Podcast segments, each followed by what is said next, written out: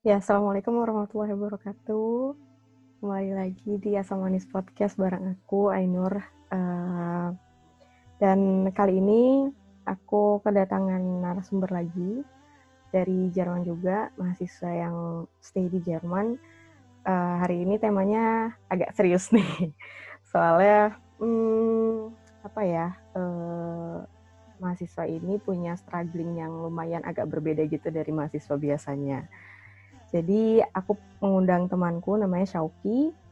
Uh, dia juga kuliah di uh, kampus yang sama kayak aku.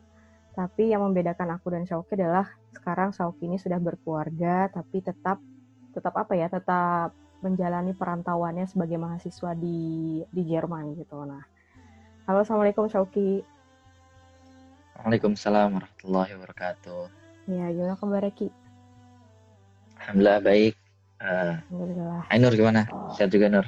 Ya, alhamdulillah masih sehat, masih sehat. Semoga sehat selalu sih dan masih sibuk sama ya praktikum gitulah. Kamu sekarang aku dengar lagi nulis BA benar ya? Uh, belum belum. Sebenarnya kalau aku sekarang itu semester ini insya Allah nulis skripsi. Cuma uh, jadi kita nulis skripsi itu Ayu dulu nih uh, istri aku dulu nih istri aku namanya Ayu jadi uh-huh. uh, Ayu dulu yang nulis skripsi kita kebut uh, dikeroyok terus nanti setelah itu uh, dia selesai aku mulai tapi insya Allah targetnya dua-duanya selesai ya September ini insya Allah. Hmm, amin. Berarti dua-duanya tahun ini selesai ya targetnya ya? Insya Allah selesai. Selesai sama kuliah. Wah, ini sih yang menarik banget gitu ya. Jadi kita kan seangkatan ya sih Ki? Jadi dulu studian kolek kita seangkatan cuman beda kurs doang gitu kan. Dan masuk kuliah juga di tahun yang sama ya nggak? Dan iya, di itu semester yang sama 2017. Kan? Uh, 2017 summer semester kan? Hmm, betul. Nah, uh -uh. Tapi uh, Shauki ini walaupun udah nikah gitu, udah punya tanggung jawab yang lebih dibandingkan aku gitu tapi kuliahnya tuh tetap lancar gitu on time gitu on the track gitu loh. Kayak nggak mundur. Walaupun uh, aku dengar-dengar kemarin katanya kamu ngebut ini ya ngebut kayak nulis ujian banyak gitu ya ya nggak sih? Iya itu sempat semester berapa ya? Uh, tahun lalu persis kayaknya itu aku nulis satu semester itu 12 modul. Wah. Itu itu tapi kamu uh, lulus semua tuh 12-nya? 12 modul itu? Satu, satu yang enggak, satu yang enggak lulus. Cuma satu yang enggak lulus? Cuma satu yang enggak lulus. Wah, parah sih. Ini keren banget sih. Maksudnya, kalau aku sendiri, aku pribadi tuh nggak bisa gitu loh belajar segitu banyaknya 12 modul gitu. Kayak buat aku satu modul, eh satu semester ngambil lima modul aja udah banyak gitu. Dan itu posisinya aku masih single. Kamu udah nikah gitu kan. Terus ditambah lagi uh, Shauki ini udah punya anak. Uh, udah udah jadi bapak anak satu ya Ki sekarang, tapi sekarang uh, on the way ke anak kedua. um, ya insya Allah minta iya. doanya aja. Yang ya. kedua bulan depan sih harusnya, harusnya lahir ya. tanggal 20 Juli insya Allah. Ya, semoga lancar lah ya semua persalinannya. Iya gitu Ki, jadi kayak uh, aku penasaran banget kenapa kamu kamu nikah tahun 2017. 17. Hmm. Berarti tiga tahun yang lalu. Dan yeah. tiga tahun yang lalu itu seperti yang tadi kita bilang kalau kita masuk kuliah 2017. Itu kan masih awal-awal masih kalau nggak salah itu pengen masuk semester 2 nggak sih? Itu masih yeah. awal kuliah Baru... banget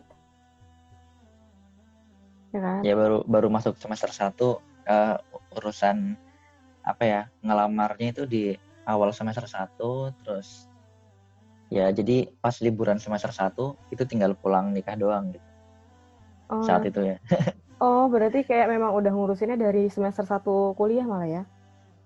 Ya dari lulus tutkol wah lebih muda lagi itu waktu itu umurmu berapa tuh? Umurku waktu itu 20 Oh, berarti nikah umur 20-an atau 21 udah masuk 21? Udah masuk 21 waktu udah nikah. Hmm, tapi itu mudah banget sih. Terus um, kenapa bisa tiga tahun yang lalu berani memutuskan untuk meminang anak perempuan gitu? Maksudnya kamu kan masih awal tahap kuliah nih, misalnya nih sekarang ini kan kamu pengen nulis BA nih, nah berarti kan udah hampir kelar. Nah kalau misalkan nikah nikah sekarang sekarang ini kan kayak uh, lebih lebih apa ya lebih sedikit gitu loh yang dipikirin karena udah nggak ada kuliah lagi tinggal nulis doang dan ya udah bisa nikah gitu. Tapi pas waktu itu tuh tiga tahun yang lalu tuh masih awal kuliah masih bener-bener baru mulai banget dan ya keadaan kamu tuh kuliahnya di Jerman gitu. Um, yang di Jerman tuh kuliah juga susah gitu kan. Terus uh, ditambah lagi kamu berani untuk ya udah aku mau nikah gitu itu yang bisa ngeyakinin kamu untuk nikah tuh apa sih? Apakah itu dorongan dari orang tua, kamu di, disuruh untuk segera nikah, ataukah dari lingkungan kamu, ngelihat teman-teman kamu yang misalnya udah pada halal gitu, terus kamu pengen nikah juga, ataukah kamu pengen kayak punya support sistem atau support gitulah di di perantauan kalau kalau kalau punya istri gitu. Nah itu yang bisa kamu yakin ya aku mau nikah gitu. Padahal masih masih awal semester banget itu. Iya uh, jadi kalau alasan sebenarnya nggak satu dua ya Nur ya. Banyak alasan banyak faktor saat itu kenapa uh, memutuskan untuk menikah.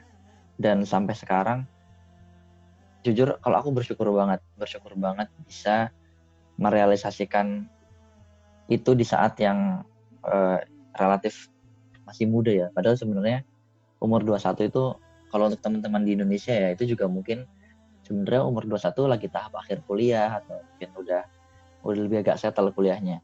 Mm-hmm. Di Indonesia tuh dibilang lebih muda lagi juga sebenarnya lebih banyak kan yang 18 19 tahun itu nikah juga sebenarnya banyak tapi kalau ditanya alasan untuk aku pribadi saat itu ya dari beberapa faktor lah uh, ada faktor uh, agama, kemudian ada faktor uh, yang tadi kamu bilang butuh support system.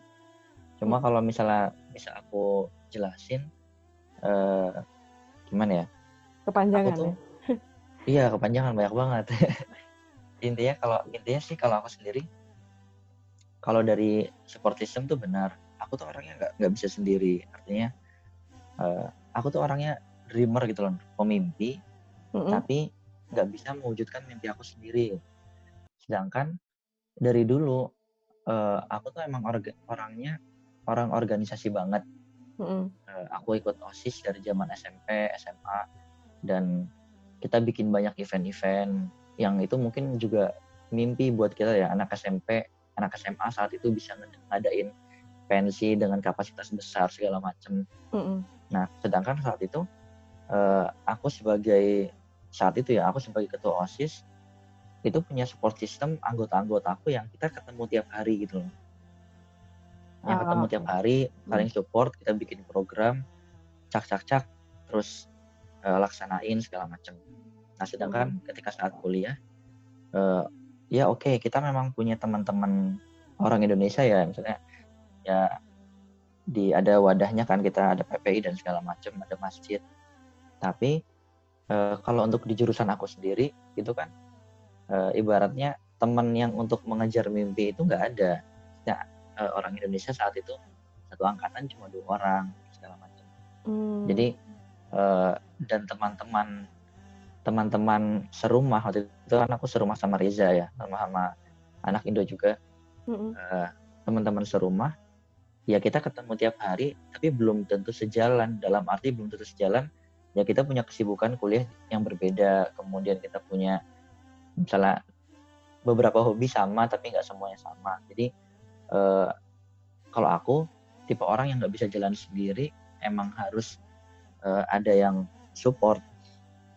Oke. Okay. nah dari situ eh, itu alasan satu alasan gitu ya. Alasan lainnya eh, misalnya kita bilang untuk jaga diri ya. Kalau untuk hmm. untuk jaga diri ya itu juga salah satu cara ya untuk menghindari fitnah terutama. Iya. walaupun sebenarnya kalau untuk uh, menghindari fitnah mungkin orang juga bisa bilang ya kan dengan mengikuti komunitas itu juga bisa menghindari fitnah. Ya betul. Uh, itu nggak nggak salah. Misalnya kita ikut ke masjid atau ikut ke komunitas apa menghindari fitnah itu menghindari fitnah pergaulan ya bisa-bisa aja. Terbukti teman-teman kita yang lain juga alhamdulillah nggak terkena fitnah uh, ya fitnah pacaran dan lain sebagainya jadi akhirnya uh, apa ya itu itu untuk aku pribadi aja gitu artinya aku tuh hmm. apa pelaku nikah muda nur pelaku nikah muda tapi aku bukan orang yang kayak mengejudge orang tuh semuanya harus nikah muda tuh enggak. Jadi oh, paham. kembali ya, kepada ya. kembali kepada kebutuhan masing-masing. Jadi kalau aku sendiri merasa punya kebutuhan ya aku jalani gitu. Terus hmm. yang kemudian faktor yang lainnya misalnya kayak aku uh, lulus SMA kemudian minta sama orang tua untuk ke Jerman. Sedangkan uh, untuk ke Jerman sendiri kan kita tahu biayanya butuh besar ya. Mm -mm uh, cukup besar kalau misalnya lewat jalur normal. Mm-hmm. Uh, cuma waktu itu kita udah komitmen antara aku dan orang tua kalau uh, Umi Umi waktu itu bilang ke aku, uh, Mas Yauki, ini Umi berangkatin kamu ke Jerman. Kita kursusin bahasa Jerman, kita uruskan visanya, kita belikan tiket pesawat sampai uh, dikasih uang saku tiga bulan pertama. Waktu itu aku ingat. Dulu aku nggak pakai itu Nur. Aku nggak pakai deposit itu nggak pakai deposit yang 8.000 euro. Hmm, terus kamu pakai apa? Tapi aku pakai pakai surat rekomendasi bank saat itu oh okay. jadi kalau jujur-jujuran aja saat itu juga orang tua nggak punya uang berlebih untuk ya ibaratnya itu kan saat itu 120 jutaan kali ya ada iya, 8 iya. apa 8.000 euro itu jujur waktu itu orang tua aku nggak ada iya. uh, tapi ada deposit bank Nah, dan deposit bank itu yang dipakai buat bikin surat rekomendasi. Dan saat itu uh, aku dikasih uang saku itu kira-kira eh, 3.000 sampai 4.000 euro lah. Mm-hmm. Adanya adanya segitu gitu.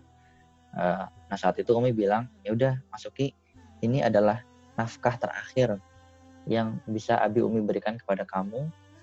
Uh, sisanya uh, urus diri kamu sendiri. Kamu udah dewasa, keputusan untuk ke Jerman adalah keputusanmu dan orang tua saat itu uh, memang adikku juga banyak ya aku punya lima orang adik ya biarin tolong uh, biarkan Nabi Umi untuk fokus ngurusin adik-adik kamu atau Umi kayak gitu hmm. ya oke okay, itu kok itu komitmen itu komitmen antara aku dan orang tua artinya ketika di Jerman aku memutuskan ya untuk memutus tali tali nafkah ya bukan tali uh, uh, memutus tali nafkah artinya aku mengharamkan diriku untuk minta sama orang tua. Tapi kalau orang tua mau ngasih nggak apa-apa.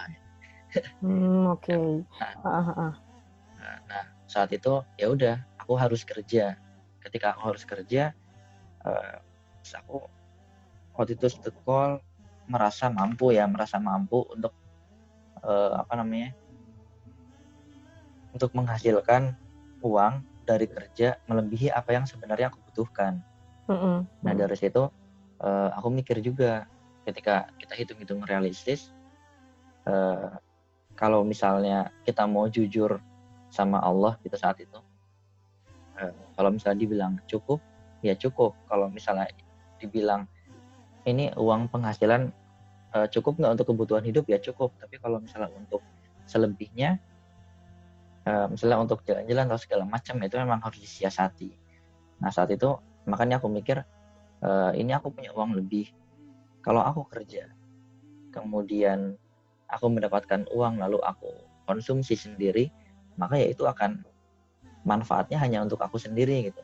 Sedangkan ketika misalnya aku punya keluarga yang aku nafkahi aku punya istri kemudian istri aku makan dari hasil uang kerjaku itu maka kerjaku itu akan mendapatkan uh, nilai pahala yang lebih. Nah makanya saat itu kan karena aku juga orang bisnis ya aku nggak mau rata-rata orang bisnis tuh pengen kerjanya minim tapi hasilnya double. Hmm. nah dari situ aku mikir ya kalau itu berlaku untuk hal yang duniawi aku juga pengen itu berlaku untuk akhirat juga artinya itu kan berjalan ya apa ya itu rekeningnya nggak putus gitu loh Nur misalnya kita kerja untuk diri sendiri ya udah kita bisa tinggal di tempat yang nyaman bisa makan bisa jalan-jalan. Mm -hmm. Tapi kalau misalnya kita memberikan rumah untuk istri, untuk anak, ya selama istri dan anak tidak merasa kedinginan tidak merasa bahaya merasa aman tinggal di sana nyaman. Dari situ tuh itu rekening pahala tuh terus gitu. Itu sih aku aku mau membentuk mindsetku uh, seperti itu saat itu. Oh, dan okay. ya alhamdulillah saat itu uh, itu juga didukung sama orang tua saat itu belum mendukung sebenarnya. Tapi itu justru didukung sama uh, bibi aku sama tante. Hmm. nah akhirnya tante inilah yang apa namanya yang approach membantu tua ya? iya mm-hmm. betul membantu aku untuk membantu aku untuk uh, apa namanya Nikah, meyakinkan gitu. kepada orang tua. Oke. Okay. Oh gitu. Berarti memang dari mindsetnya udah beda nih Ki. Maksudnya uh, tadi kan kamu uh, dikasih istilahnya uang sama orang tua hanya sebagai apa sampai tiga bulan pertama di Jerman gitu kan untuk untuk uang saku gitu. Dan akhirnya kamu memutuskan untuk kerja sendiri segala macam sendiri gitu. Tapi kayak mindsetnya emang beneran beda nih maksudnya kamu tuh sendiri harus kerja sendiri. Cuman uang yang kamu hasilkan itu kamu pengen bukan untuk kamu sendiri gitu kan. Untuk untuk kalau kamu nikah untuk anak istri kamu kamu bakal dapat pahala gitu. Tapi nggak ada gitu ya. Maksudnya keraguan dalam diri kamu misalkan oke okay lah kamu kerja di Jerman dapat uang sendiri cuman nanti kalau aku beristri yang saya untuk uang itu untuk aku sendiri cukup. Ya kalau dibilang cukup cukup gitu. Tapi tadi kamu bilang kalau untuk jalan-jalan kan belum bisa gitu. Paling ya cukup tinggal tinggal di tempat yang nyaman untuk makan bla bla bla gitu kan untuk kebutuhan pokok. Tapi nggak ada kepikiran kalau misalnya uh, kalau aku beristri nanti malah jadinya kekurangan ya gitu.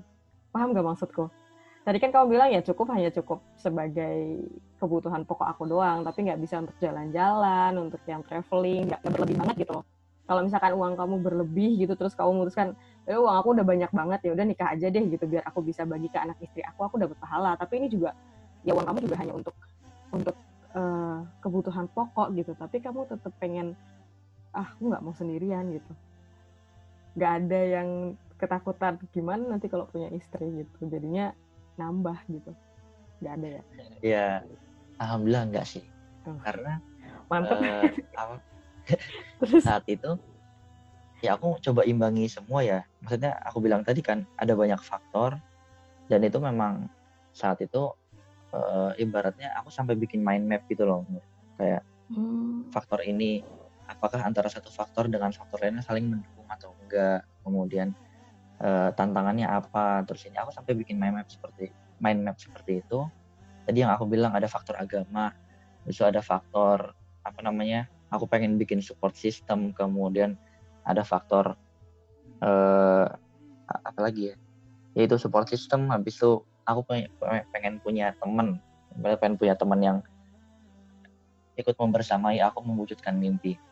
Ya, ya, ya. jadi semua faktor itu aku linkkan apakah ini sejalan atau enggak gitu. Karena kalau misalnya ya itu tadi kan ada urusan studi ada urusan keluarga ada urusan agama. Kalau ini saling ber kalau ini saling bertabrakan ya itu justru malah bikin aku semakin runyam gitu kan pikirannya makin banyak. Tapi ternyata uh, ya ketika aku bikin mind map terus ternyata memang wah ini semua saling mendukung itu ibaratnya uh, gimana ya ibaratnya kalau kita uh, apa ya ibaratnya gini nih. Kalau misalnya aku gimana ya bilangnya? Ibaratnya kita bisa melakukan menghasilkan tiga menyelesaikan tiga pekerjaan. Hanya dengan menjalankan dua pekerjaan gitu. Mm-hmm. jadi aku hanya hanya perlu untuk fokus uh, mencari nafkah dan studi itu aku bisa menyelesaikan studinya istri, studiku, nafkah keluarga juga jalan dan mimpiku pun mimpiku berjalan gitu loh artinya. Uh, bersyukur sih aku aku bisa menyeimbangkan itu semua dan pastinya aku juga yakin sama janjinya Allah ya di atas semua itu tentunya kita yakin sama janji Allah. Kalau orang nikah ya pasti aku, Allah akan bantu. Hmm. dan lagi pula tujuan menikah itu ya itu kan kalau orang orang nikahan kan biasanya doanya semoga sakinah mawadah warohmah gitu kan. Iya benar. Kalau misalnya kita tahu artinya sakinah uh, sakinah itu artinya ketenangan gitu. Dan justru uh, bagaimana ketika kita menikah bisa mendapatkan sakinah artinya kita tenang. Tenang itu nggak khawatir sama tadi khawatir uangnya kurang nggak khawatir sama studinya akan berantakan. Ya kalau misalnya eh, apa namanya ketika menikah semuanya berantakan yang dipertanyakan sebenarnya bukan yang di apa ya yang dikritisi itu bukan pernikahannya bukan ibadah nikahnya tapi yang dikritisi adalah niatnya ketika nikah itu apa harus dievaluasi ulang gitu.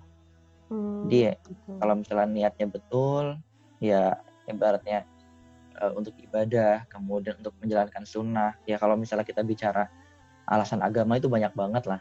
Uh, dan ketika kita benar-benar yakin menjalaninya, ya justru di situ Allah akan berikan sakinah dan itu uh, kalau aku berani, kalau aku boleh sampaikan ya aku berani bilang itu aku buktikan gitu. Oke, oke. Okay. Oh, berarti emang Soki maksudnya ya beda lah gitu.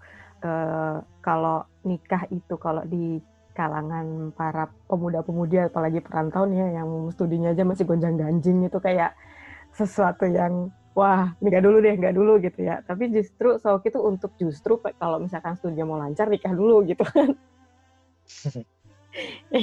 Jadi uh, kayak rintangan pas nikah gitu ya di di perantauan tapi maksudnya udah punya istri udah berkeluarga itu kayak harus mikirin kuliah gitu kan. Tapi juga cari nafkah juga apalagi tambah juga punya anak gitu. Harus ngurus anak harus ngedidik anak itu kan istilahnya uh, tugas tambahan juga cuman itu semua tuh buat Shauki malah bukan sebuah rintangan di perantauan bener gak sih? Tapi malah jadi kayak sesuatu yang support kamu untuk uh, terus uh, gapai mimpi gitu kan? Atau maksudnya untuk selesaiin kuliahnya malah kayak jadi apa ya positif lah gitu. Paham gak maksudku? Walaupun secara kasat mata itu yeah. adalah tak tugas tambahan buat kamu gitu. Kamu harus kerja lebih keras kamu harus ngurusin anak kamu harus ngurusin istri belum lagi kalau misalkan ada konflik keluarga gitu kan. Terus belum lagi kalau ada ujian kuliah gitu. Tapi itu buat kamu kamu ngelihatnya itu bukan sebagai rintangan yang nyusahin kamu atau kayak ngeberatin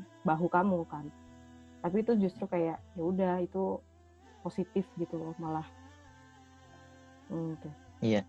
Kalau uh, kalau misalnya bisa aku analogikan ya Nur ya. Mm-hmm. Kalau aku jadi ingat pelajaran zaman SMA nih IPA kimia ya jadi ada kan yang namanya zat katalis atau zat yang bisa mempercepat suatu reaksi gitu. Wah, aku anak bisnis tapi masih ingat pelajaran. Jadi okay. uh, eh, misalnya kayak apa namanya uh, misalnya proses pembekuan gitu ya, pembekuan air. Nah, air itu kan atau proses apalah gitu. Ketika ya proses itu dengan lingkungan yang ada ya akan berjalan, air itu akan membeku gitu loh. Tapi butuh berapa lama gitu. Nah, ketika ditambahkan zat katalis, ditambahkan e, garam atau apalah itu, maka proses pembekuan itu akan lebih cepat. Nah, menurut aku untuk saat itu dan sampai sekarang juga nikah itu adalah katalis buat aku katalis untuk hmm. uh, ya untuk aku menyelesaikan studi gitu ya. katalis uh, katalis untuk uh, membuat aku menjalankan usahaku karena jujur waktu itu juga pernah ada adik kelas yang saat itu dia keren banget adik kelas ini uh, dia ikut olimpiade uh, apa ya dia kayak karya ilmiah gitu sampai bikin alat yang bisa mendeteksi penyakit jantung gitulah. Dan hmm. karena karyanya tersebut, uh, dia diundang ke Jerman. Diundang ke Jerman saat itu ada conference di Stuttgart kalau nggak salah. Dari hmm. Indonesia disponsorin. Kita ketemu waktu itu di Frankfurt.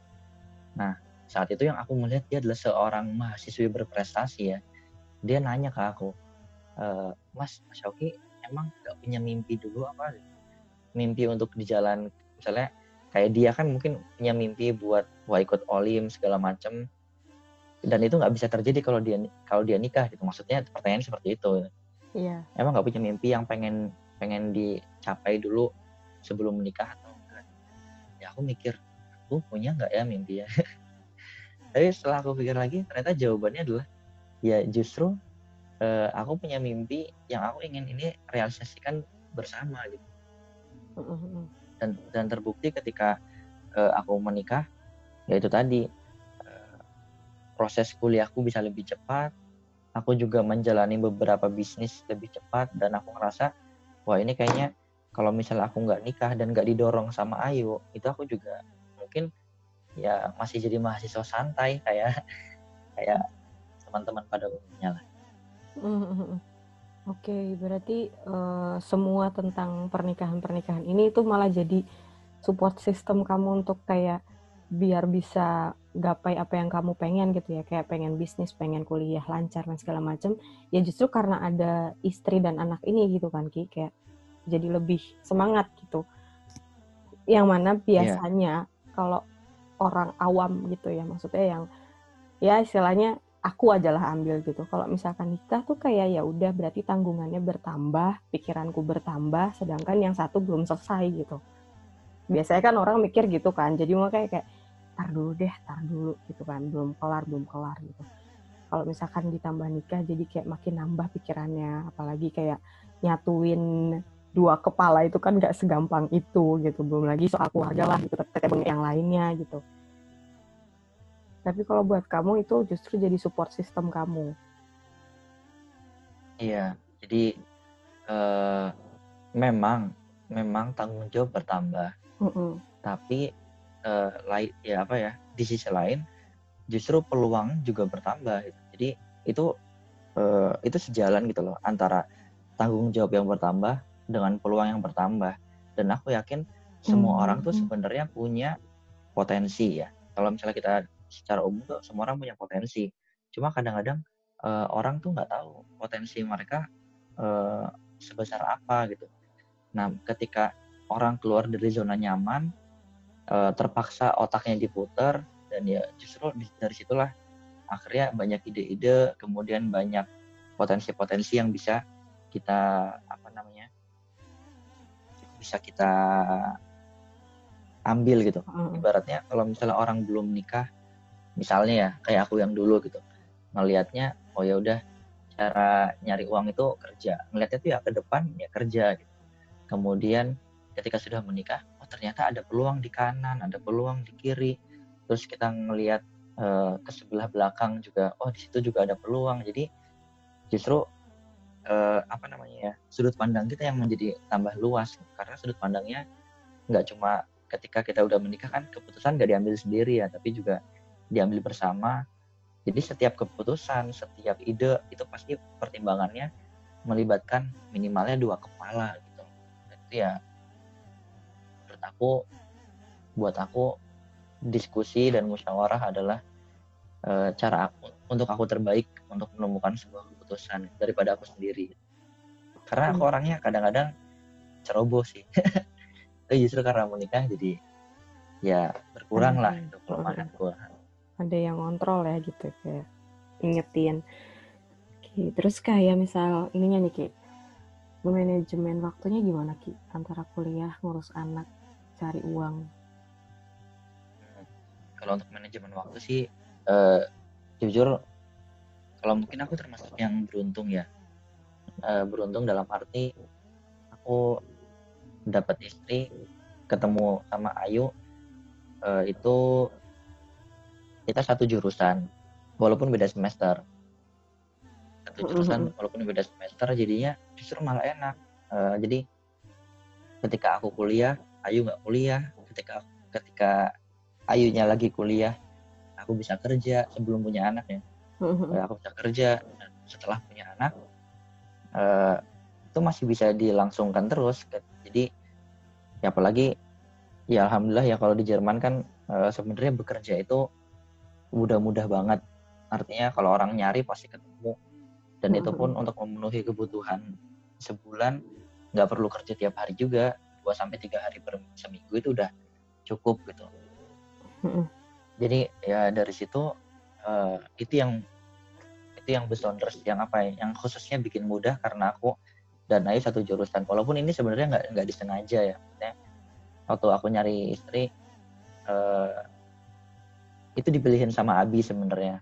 Si Ayu itu waktu umroh Abi ketemu sama Ayu singkat cerita uh, Abi nawarin aja ke aku setelah aku boleh nikah ya udah kalau gitu mau sama Ayu nggak? Terus aku bilang mau ya udah akhirnya uh, alhamdulillah cocok. Cocok visi misinya cocok kemudian apa namanya uh, cocok jurusannya juga. Jadinya untuk manajemen waktu ke depannya nggak nggak sulit sih. Oke. Okay. ya aku iya aku nggak nggak menemukan kesulitan berarti sih untuk manajemen waktu. Iya iya ya walaupun sesulit apa juga tetap jadi mudah ki. Karena dari awal pun kamu mindsetnya kayak ya udah nikah itu justru untuk penyemangat aku buat ngegapai uh, apa ya tujuan aku gitu. Jadi pengen kayak uh, ngurusin anak atau apa gitu harus ditumpuk-tumpuk gitu lah istilahnya ya kuliah ujian segala macem. Tapi itu bisa aja karena memang dari awalnya juga sudah sudah niat dan memang beda gitu loh. Dari dari awalnya memang itu adalah semangat aku. Justru bukan yang jadi beban buat aku gitu. Jadi ya bisa aja jadinya dijalanin gitu. Sebenarnya Maya. Nah terus uh, aku kepo nih pandangan lain. Eh pandangan student lain nih yang masih jomblo gitu yang masih belum belum nikah. Yang yang sekarang merantau. Yang belum nikah dengan keadaan kamu yang istilahnya kamu kan beda gitu dari yang lain. Yang lain kan yang masih kuliah kerja kuliah kerja tugas-tugas tugas-tugas terus ngelihat kamu tuh nikah gitu. Nah pernah nggak ada omongan dari mereka kayak iki kok bisa sih gitu kamu kayak gini? Atau uh, atau malah mereka jadi kayak istilahnya me, apa ya hmm, melihat kamu kayak sebelah mata jadinya ih kok nikah sih? kayak gitu. Atau pandangannya lebih banyaknya positifnya apa negatifnya tuh dari dari teman-teman sekitar kamu? Hmm, uh, kalau aku kebanyakan sih dari teman-teman justru malah gimana ya banyak kan bilang wah kok bisa ki? Salut gitu. Terus uh, heran juga sama kita kenapa kita bisa apa namanya tetap lancar kuliahnya on track. Dan itu pun insya Allah ya kalau misalnya semua lancar kan artinya semester ini aku bisa selesai kuliah benar-benar tepat waktu tujuh semester gitu kan. Padahal belum tentu teman-teman yang belum menikah itu bisa selesai tujuh semester gitu. Mm -hmm. nah, tapi gimana ya Nur? Sebenarnya aku heran sama teman-teman juga yang yang teman-teman herankan sama aku itu apa gitu. Karena ya aku ngerasa melihat keadaan mereka pun sebenarnya teman-teman juga bisa kok. Maksudnya enggak itu bukan sesuatu yang buat aku ya. Buat aku itu bukan sesuatu yang eh, menakjubkan gitu. Karena hmm. sebenarnya dalam keadaan teman-teman terutama di Jerman ya itu menikah itu ya lebih mudah banget lah daripada di Indonesia gitu. Walaupun kalau misalnya di Indonesia kita bisa bisnis bisa apa ya itu sih. Kalau pandang itu pandangannya positif positif selama ini teman-teman. Kalau pandangan negatif pernah ada dulu oh, pernah ketika, ya pernah dulu ketika awal nikah ya itu sih kayak ya ngapain sih maksudnya nikah orang eh, apa namanya masih panjang lah segala macam bla bla bla gitu. Cuma eh, apa ya itu cuma di awal-awal aja bahkan ketika sudah berlangsung 2-3 bulan dan studiku tetap lancar teman yang pernah mengkritisi aku uh, untuk nikah muda gitu. Bahkan ketika udah punya anak justru malah ya sekarang jadi apa ya jadi salah satu yang yang mendukung aku terus gitu sih uh, yang support. Wah ki uh, gak nyangka ternyata bisa terus semoga ke depannya makin lancar gitu, gitu sih kemarin terakhir iya. ngobrol. Ya, iya sih. iya ya wah wah iya sih emang aku juga ngelihatnya juga kok bisa gitu. Kok bisa dengan keadaan studi di Jerman yang ya harus cari kerja sendiri juga uh, posisinya tuh sudah menikah sudah punya anak lagi gitu tapi bisa gitu kayak semua klausur, semua ujian lancar, semuanya lulus gitu dan on the track sama kuliah kamu gitu. Terus nggak mundur gitu. Padahal yang single-single juga malah banyak yang mundur semesternya atau yang yang nggak lancar juga gitu. Jadi sebenarnya kalau ya tergantung ini kita sih ya balik lagi kayak ke mindsetnya gimana gitu kan. Apakah ngelihat pernikahan itu sebagai sesuatu yang mendukung atau sebagai tugas tambahan gitu. Kalau ngelihatnya itu sebagai beban, ya udah ngejalaninnya juga semuanya ke, ke depannya bakal berat gitu kan. Iya, iya. Sama kayak gini aja Nur, kayak misalnya ketika eh, orang-orang heran dengan kamu ya atau dengan teman-teman yang lain yang kuliah di Jerman banyak tuh anak-anak Indo yang kayak e, kak kok bisa sih kuliah ke Jerman? Kak kok bisa sih bahasa Jerman? Padahal ketika kamu ditanya seperti itu kan kamu bakal responnya ya kalian juga sebenarnya bisa kok gitu. Ya nggak sih? Iya ya, sih. Iya ya, sih. Kan? iya, iya. kalau kita ngelihat kayak orang misalnya kita di Indonesia SMA ngelihat orang-orang kuliah di luar negeri wah keren ya gitu. tapi ternyata ketika kita ngejalanin oh ya emang ada jalannya bisa kok gitu ya kan iya iya iya itu juga nih Kak Nur oh. percaya nggak percaya ya Oke oke, iya iya mau. Ya apalagi kalau nikah itu kan ibadah kak, jadi kayak semuanya juga ya insya Allah dimudahin sih. Iya, insya Allah. Ya udah Ki, uh, terima kasih banget Ki. Aku belajar banyak banget dari Syauki hari ini. Jadi ya gitulah. Pokoknya belajar banyak dari Syauki. Jangan ngelihat nikah itu sebagai beban dan malah jadi ya jadi bikin jadi support system kamu di sini juga gitu. Uh, Oke, okay. buat terakhir deh buat yang di luar sana yang masih kayak aku pengen nikah nih, misalnya ada kemauan untuk menikah tapi masih ada rasa takut untuk nikah karena keadaannya yang ya keadaan posisi masih kuliah lah gitu atau masih belum dapat kerjaan lah nah itu saran kamu gimana? Uh, saran aku kalau misalnya untuk orang yang belum yang ada keinginan untuk menikah ya uh, tapi masih ragu mm-hmm. jadi kita kan emang gitu ya ada istilah tak kenal maka tak sayang gitu kan mm.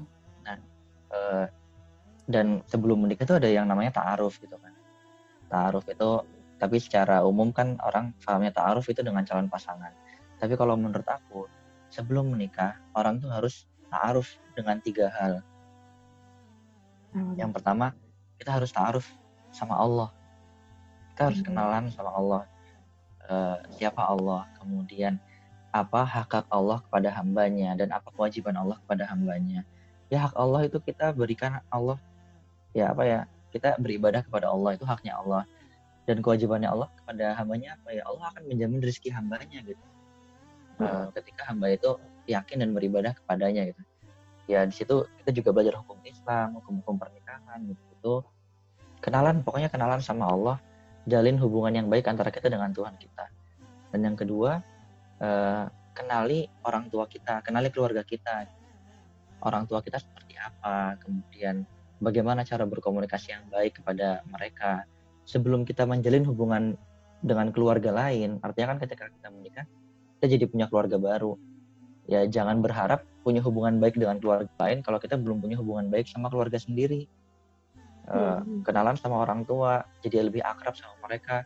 Sehingga mereka tahu ketika kita menikah ya kita bisa tetap menjadi anak yang berbakti untuk mereka. Dan juga untuk adik-adik kita kakak kita kalau punya gitu kan dan yang ketiga taaruflah dengan diri kalian sendiri taaruf dengan diri sendiri. Kenali apa yang menjadi cita-cita kita semua apa yang menjadi kebutuhan kita dan relatekan antara itu semua uh, antara ya Allah keluarga dan cita-cita kita. Uh, ketika itu sudah connect baru uh, insya Allah di situlah kita akan bisa lebih matang dan yakin untuk melangkah ke tahap selanjutnya taruh kepada si dia. Asik.